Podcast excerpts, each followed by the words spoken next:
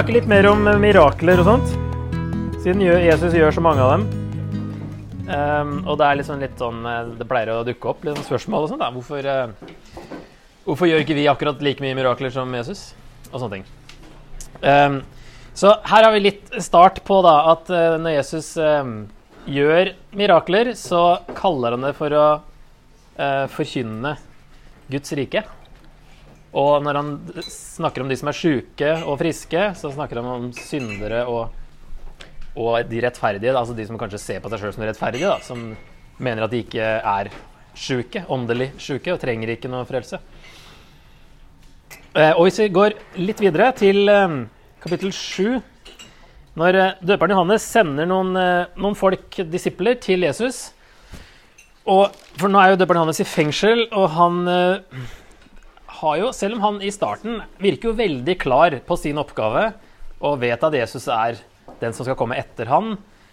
Så havner han i fengsel, og så blir det kanskje ikke helt sånn han hadde sett for seg. Så han begynner kanskje å tvile litt. Så han sender noen uh, disipler da, til Jesus i, fra vers 18 i kapittel 7. Uh, eh, og de spør er du den som skal komme, eller skal vi vente en annen. Var det, var det bom, det her, eller var det ikke Messias likevel? Um, og så står det nettopp da helbredet Jesus mange for sykdommer og plager og onde ånder, og han ga mange blinde synet. Og han svarte dem, gå og fortell Johannes hva dere har sett og hørt. Blinde ser, lamme går, spedalske renses, døve hører, døde står opp, og evangeliet forkynnes for fattige. Her ser dere, Hvis dere har samme utgave som meg her, så står veldig mye av det Jesus svarer, står i kursiv. Det vil si, dette er gammeltestamentlige sitater som ikke er tydelig gjort med at liksom, dette er fra Jesaja, dette er fra Zakaria. Men det er eh, Vi får hjelp av oversetterne. Når det står kursiv, så er det noe som hentes fra Gammeltestamentet veldig ordrett. Ellers er det selvfølgelig bilder og uttrykk og, og sånt som kan brukes selv om det ikke står i kursiv. Men her er det, da, i kursiv. Um, så Jesus henter opp ting fra Jesaja spesielt, der det handler om frelsestiden, da Gud skulle gripe inn og frelsen endelig skulle komme. Messias. Og der I Jesaja 26 for står det at døde skal bli levende. I 29 eh, står det at døve skal høre, blinde skal se, hjelpeløse skal glede seg, og fattige skal juble. Og i 35 står det blinde ser, døve hører, lamme springer, stumme jubler. Men hvis du slår opp de der, spesielt Jesaja 29 og 35, så handler det faktisk om eh, tilbakevendingen fra eksilet i Babylon. Og Da begynner vi å lure ok, er det kanskje ikke bokstavelig ment, da, det her. Blinde ser, døve hører osv. For da virker det som at eh, Og det hele kallet til Jesaja i kapittel 6 eh, så sier Gud til ham at folket er åndelig blinde og døve, og at det ses på som en åndelig sykdom. Så i lys av det her så vil det her være en åndelig blindhet og døvhet og lamhet og stumhet, fordi de er i eksil. Og han snakker om at de, de er blinde for, eh, for, loven og døve for Guds ord. Og de er lamme og stumme da kanskje i eksilet fordi de er fanger. ikke sant? Når frelsestiden kommer, så var det egentlig ingen som forventa fysiske mirakler. I hvert fall ikke noe, tydelig tegn noe sted som vi har på at, eh, at de forventa sånne konkrete fysiske mirakler når denne frelsestiden kom, eller en Messias som ville gjøre sånne mirakler. At Jesus er den første som tolker det slik. Og han tar det her og gjør det bokstavelig, selv om det egentlig i konteksten er ment som metaforer, da, åndelig. Og så gjør han de miraklene som eksempler, tegn som peker på den åndelige sannheten bak. Og det blir spesielt tydelig i Johannes-evangeliet, for der kaller Johannes miraklene Jesus gjør, eller undrene som Jesus gjør, kaller han for tegn. Og han har med bare sju stykk. Han velger ut bare sju tegn. Og der er det eh, tydelig, som Jesus sier før han vekker opp eh, Lasarus fra døden, så sier han til Martha, eller Maria, eh, 'Jeg er oppstandelsen og livet'. Og så skal jeg vise deg et eksempel på det. Så reiser han Lasarus opp fra døden. En oppstandelse her peker fram mot den store oppstandelsen. der alle skal stå opp, og at Jesus er denne oppstandelsen. Og før han helbreder eh, en blind mann i Johannes 9, så sier han at jeg snakker om at 'jeg er verdens lys'. Og så gir han synet igjen på han som var blind. Så Jesus eh, tar det lenger egentlig enn det det var i Gammeltestamentet. Og når han siterer det her, så er det selvfølgelig, det betyr jo ja, frelsestiden er kommet. Og det, de miraklene her er beviser på at, eh, at, nå er vi i frelsestiden, selv om det er liksom en bonus at Jesus gjør dem fysisk når de ikke forventa det. Og gjennom forkynnelsen til Jesus så blir jo de miraklene mer da, enn mirakler som har vært inne på. At når blinde ser, så er det et eksempel på mennesker som kommer til tro. Eller et, et sånn fysisk eh, tegn da, på overgangen fra mørke til lys. Spedalske renses blir et tegn på at folket kan bli rensa og ha et forhold til Gud igjen. Døve hører blir et tegn på at Israel lytter igjen til Guds ord. Døde står opp blir et tegn på den totale fornyelsen av Guds folk og det evige liv. Da.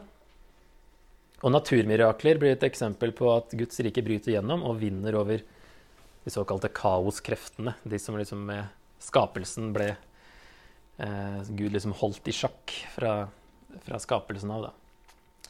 Eh, at Guds rike er sterkere enn det. Og det Jesus ikke nevner i svaret til døperen Johannes, det er jo demonutdrivelser. Det gjorde han masse av, men han nevner ikke de fordi, trolig, de ikke nevnes som tegn på frelsestiden i GT. Så det er en enda ekstra bonus at Jesus gjør det. Eh, men eh, når han tar ikke med det i svaret da, til Depardianes. Og det er jo interessant med dette med mirakler og hvor ofte det skjer, og hvorfor ikke det skjer, og sånne ting. Um, og så skjer det alltid sammen med forkynnelse av evangeliet i Bibelen. Det er også viktig å, å ha med. Det er aldri adskilt som en egen sak at noen driver og gjør mirakler uten å forkynne evangeliet. Så det skal aldri liksom bli helt sin egen greie, men det henger sammen med forkynnelsen. Og så har det kanskje med altså, det, De som blir helbreda, de kommer jo til tro. I hvert fall så nevnes det ganske mange ganger at eh, når Jesus sier at 'din tro har frelst deg', eh, så står det av og til din tro, eller ja, det står 'din tro har frelst deg' når det er etter en helbredelse. Ikke sant? Så det henger veldig sammen. Og at Gud kanskje, eller Jesus gjorde mirakler der han visste at de ville komme til tro, fordi det var en sammenheng mellom her. Og det er interessant, da. Liksom, hvorfor skjer det mer mirakler eh, andre steder i verden enn i Vesten? ikke sant? Og har det noe med vår åndelige tilstand å gjøre? At vi ville ikke komme til tro uansett? Uansett, det viktigste, tror jeg, eller syns jeg, da, er at miraklene ikke er hovedpoenget til Jesus. Det peker på noe større bak. Og i Nasaret gjorde Jesus ingen mirakler fordi de ikke ville tro uansett. Det står i, i, uh, tydelig i Markus og Matteus. Han gjorde ingen mirakler der pga. deres vantro, sier vel Matteus. Så der bestemte Nei, det gidder jeg ikke. Her er ikke noe vits, for her er det ingen som kommer til å tro på det det egentlig handler om. Og interessant liten detalj òg er jo at i 8 1 3 så er det mange damer som uh, uh, Lukas nevner. Maria med tilnavnet Magdalena. Johanna, som var gift med Kusa en forvalter, forvalter hos Herodes, og Susanna og mange andre. Med det de eide, hjalp de Jesus og de tolv. Jesus kunne bare gjort mirakler hele veien. Og fått mat og det de trengte med mirakler, som en sånn Supermann. Men her er det lista opp noen damer som hjalp Jesus. Det var tydeligvis rike damer som støtta eh, virksomheten til Jesus økonomisk. Så han eh, gjør ikke mirakler hele tida. Han gjør jo ikke det bare fordi han kan det. Men Det handler om noe mer, noe større som ligger bak.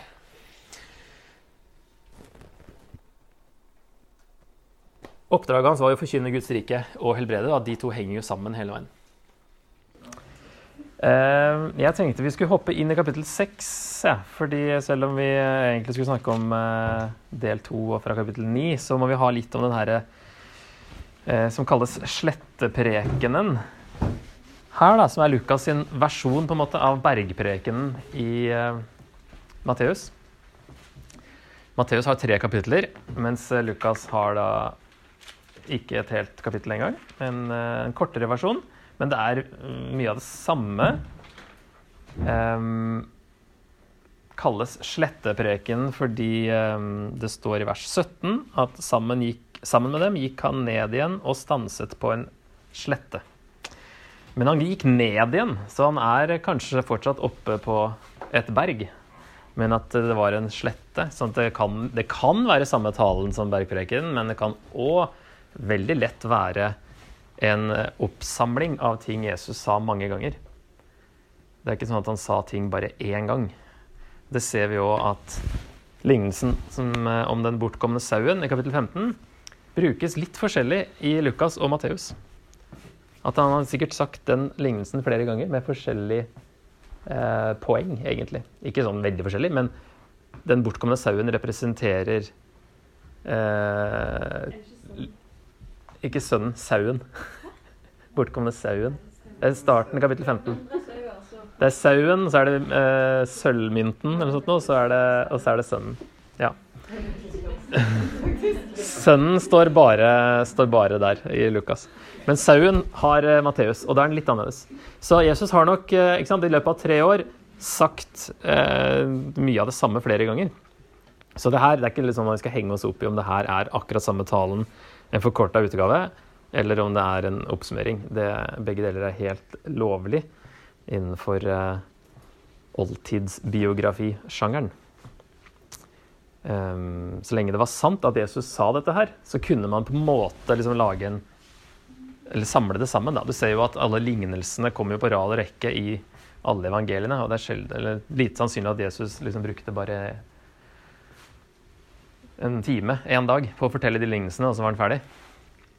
Og Bergprekenen tar ikke, så veldig lang tid å lese den heller. Men han sto nok og talte litt lenger enn uh, hvis du bare leser gjennom. Uansett. Uh, her er sånne saligprisninger som uh, Han starter med å si 'salige er dere fattige, dere som nå sulter, dere som nå gråter', og dere salige er dere når folk hater dere'.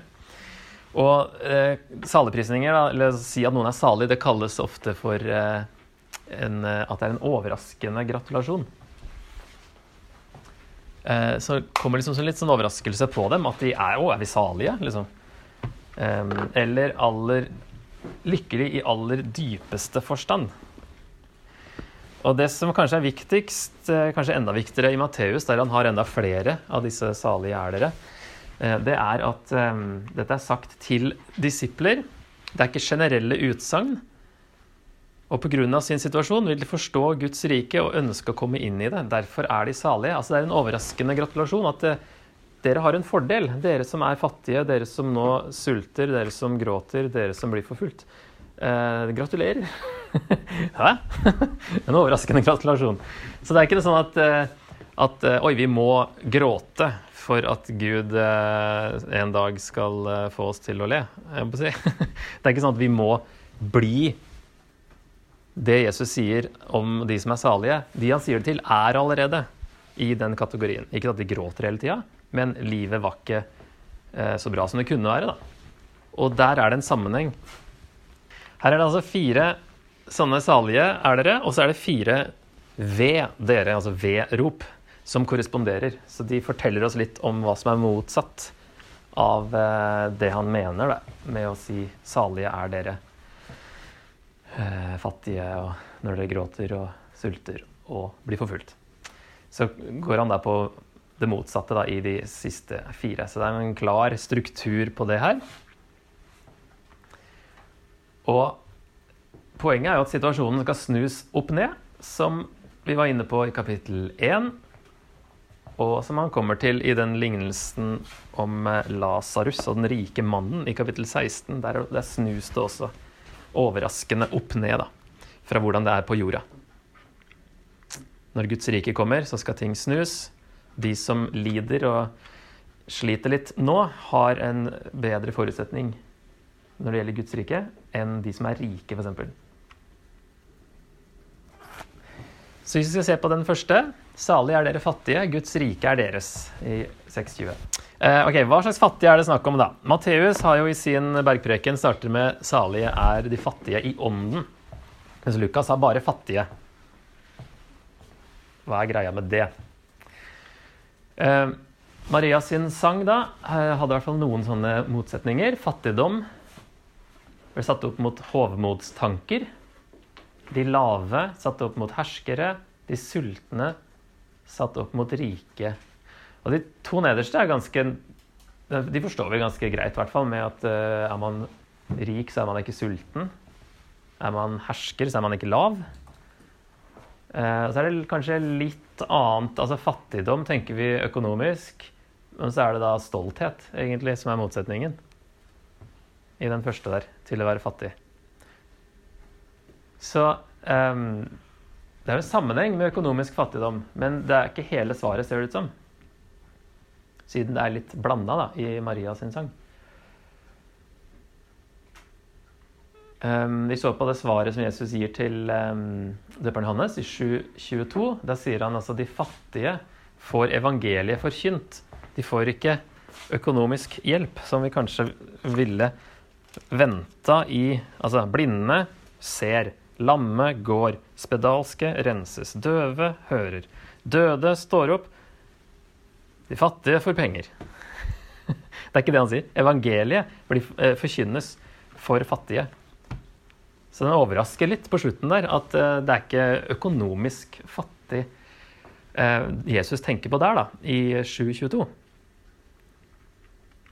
Men det henger jo sammen på den måten at økonomisk fattigdom tvinger oss til å søke Gud. Derfor er det en fare å være rik. Og når Jesus sier 'Ved dere rike', dere har alt fått deres trøst.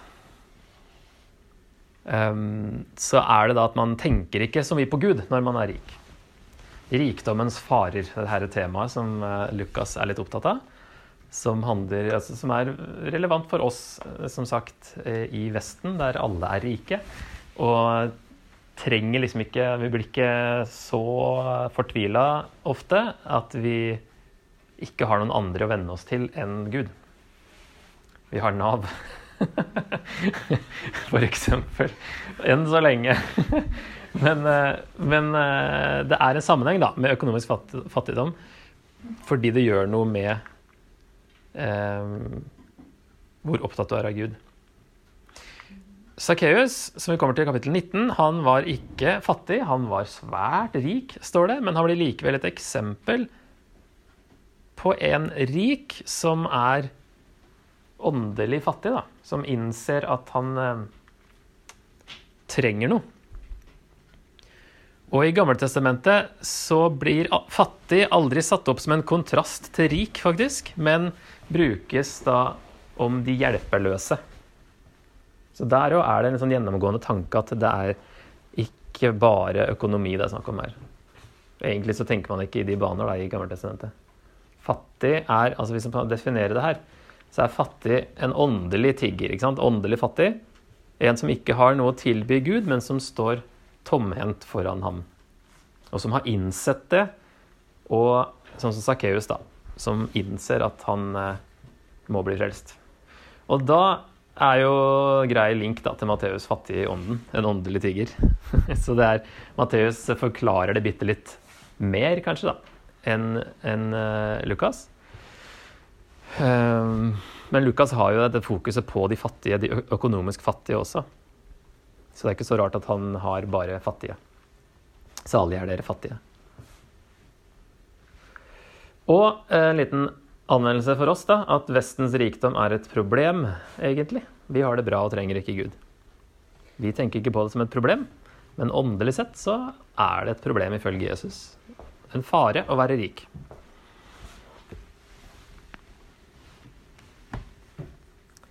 Trøsten har de fått allerede i sin egen rikdom, sier Jesus. Det er jo selvfølgelig da åpning. Sakkeus. ikke sant? Det er ikke sånn at det er helt umulig for en rik å bli frelst, men det er veldig vanskelig, sier Jesus. Vanskeligere enn en kamel å gå gjennom halvøye. Fordi man må komme seg ut av den tankegangen at han stoler på rikdommen sin. Hvordan forholder du deg til dette? Fordi på en måte, Jeg føler det er veldig vanskelig, fordi på en måte, vi har jo på en måte lest nå at eh, den som på en måte gir fra seg alt, eh, forlater familien sin, sin kone, sine barn, eh, sine søsken, selger alt en eier og gir til de fattige, og følger Jesus. Eh, og så bor vi i Norge, vi har smarttelefoner. Fantastisk skole, men det koster. Man, man har hus og eiendom på flere millioner. Mm. Man har lån på flere millioner. Og så man lån liksom, måte går det overens med det at man skal følge Jesus fullhjertet og helhjertet. Og like å ha så mange verdisaker rundt seg. Mm. Um, nei, altså Når Jesus um, sier at uh, det du nevner da, at uh, i kapittel 14 er det vel med at uh, det er ikke verdig han hvis ikke, hvis ikke vi setter han først og oppgir alt. Um, han snakker jo også om at uh, disiplene hans skal innby de fattige når de har selskap, f.eks. Altså, man har fortsatt ting, men det handler jo om den overgivelsen i hjertet. Om at du er villig til å gi opp alt. Dersom det kommer til det. Og der er veldig bra innspill, altså, for der tror jeg vi sliter, mange av oss i Vesten som er vant til å ha det så godt. Og hvis Gud plutselig sier uh, det er blitt en avgud for deg, det å dra fra familien sin, da, selv om det høres ut som Jesus Han, mener jo ikke det. ikke sant? Hate foreldra sine og stikke av fra familien. Fullstendig ubibelsk å gjøre det. Paulus i første Timoteus vel sier at eh, det er verre enn en hedning hvis ikke du tar vare på dine nærmeste. Det er eh, veldig sånn eh, bærebjelke i si, prioriteringer da, som en kristen. Så fort du får familie, så blir det mye lettere å prioritere, egentlig. For da vet du at det er bibelsk, det her med familien din. Um, så når han sier det på den måten, så mener jo ikke han det bokstavelig, men han mener at Jesus må komme på førsteplass.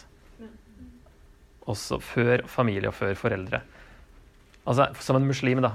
En muslim som blir kristen, sant. Da er det veldig tydelig at Jesus må komme før familien. Så hvis vi ser hele Bibelen da, under ett, så er det i hvert fall Jesus mener ikke at du skal hate foreldrene dine. Og så er også det her med, med uh, På hebraisk så hadde man bare hat eller elsk. Det var liksom veldig svart-hvitt eh, med de ordene. Okay. Så da kan det bli litt sånn høres voldsomt ut. Du skal jo hedre din far og din mor, ikke sant? Uh, ja. Det vet vi jo. Nå skjønte jeg så ja, så når Jesus sier plutselig du skal hate dem, nei, det, skal, det er ikke det. Altså, jeg utfordres hver gang av sånne lovsanger som sier 'du er alt jeg trenger'. Du er alt jeg bryr meg om. Det er jo ikke meninga vi ikke skal bry oss om noe annet. Så det kan hende at de, ord, de lovsangene bruker litt vel store ord noen ganger. Men at Jesus må være på førsteplass, det er det som er viktig. Men du skal jo elske de neste. Du skal elske din egen familie og ta vare på dem. For jeg husker da jeg var yngre, så tenkte jeg mye på det her at alle kristne burde egentlig bare ikke eie noe og selge alt og gi til fattige. Og jeg sliter jo fortsatt med å bruke penger på meg sjøl. Men da, da er det som, altså når du ser i budene, da, så er det jo bud som ivaretar eiendom. Og det husker jeg var en oppdagelse for meg å se at Gud faktisk eh, gir dem lover for at eh, de ikke skal begjære sine nestes ting. Og de skal ikke stjele. Altså det at det faktisk, han beskytter privat eiendom i Moseloven. Det var sånn OK. Han er, han er nok ikke så imot det som det kan høres ut noen steder. OK? For det, nummer to og tre, salige er dere som nå sulter og gråter, i vers 21. Eh, han sier salig dere som nå sulter, dere skal mettes. Salig er dere som nå gråter, dere skal le. Altså det er nå satt opp mot framtida, som altså Guds frelse, når Gud griper inn og snur situasjonen. Så nå livet nå, eh, satt opp mot evigheten, egentlig. Og en kontrast til det her eh, det ved-ropet som kommer i vers 25. Ved dere som nå er mette, dere skal sulte. Ved dere som nå ler, dere skal sørge og gråte. Så når det er snakk om mett her, så er det jo da først og fremst egentlig altså at de ikke er åndelig sultne. Fordi de er rike også, da. En dag skal de kjenne at de ikke er tilfreds lenger. Hvis man har alt man trenger nå, så skjønner man ikke at man ikke har Gud. Men man føler seg mett, men en dag skal du skjønne at eh, det er du ikke lenger. Eh, le betyr jo ikke at vi ikke kan ha lov å le nå. På ingen måte. Eh, men betyr jo det egentlig at eh, det er ikke bra å være fornøyd med livet som det er, hvis du ikke har Gud. Men det kommer en tid når det ikke vil være like godt. Når Gud da snur situasjonen. Samme poenget så vi i 1.52-53. Gud har handlet på denne måten tidligere, og det samme forventes i framtiden. At han kommer til å snu ting. De som ikke har et godt liv nå, er mer åpne for Gud, og han kommer til å snu ting på hodet til slutt. Motgang i livet kan være åndelig bra for oss. Det er greit å huske på innimellom. Når livet ikke er bare bra, selv i Norge, så kan det være åndelig bra at vi ikke har det bare bra. Ok. Eh, nummer fire her, da. Salige er dere når folk hater dere. Yes, amen. Syns det er greit å, å huske på. uh,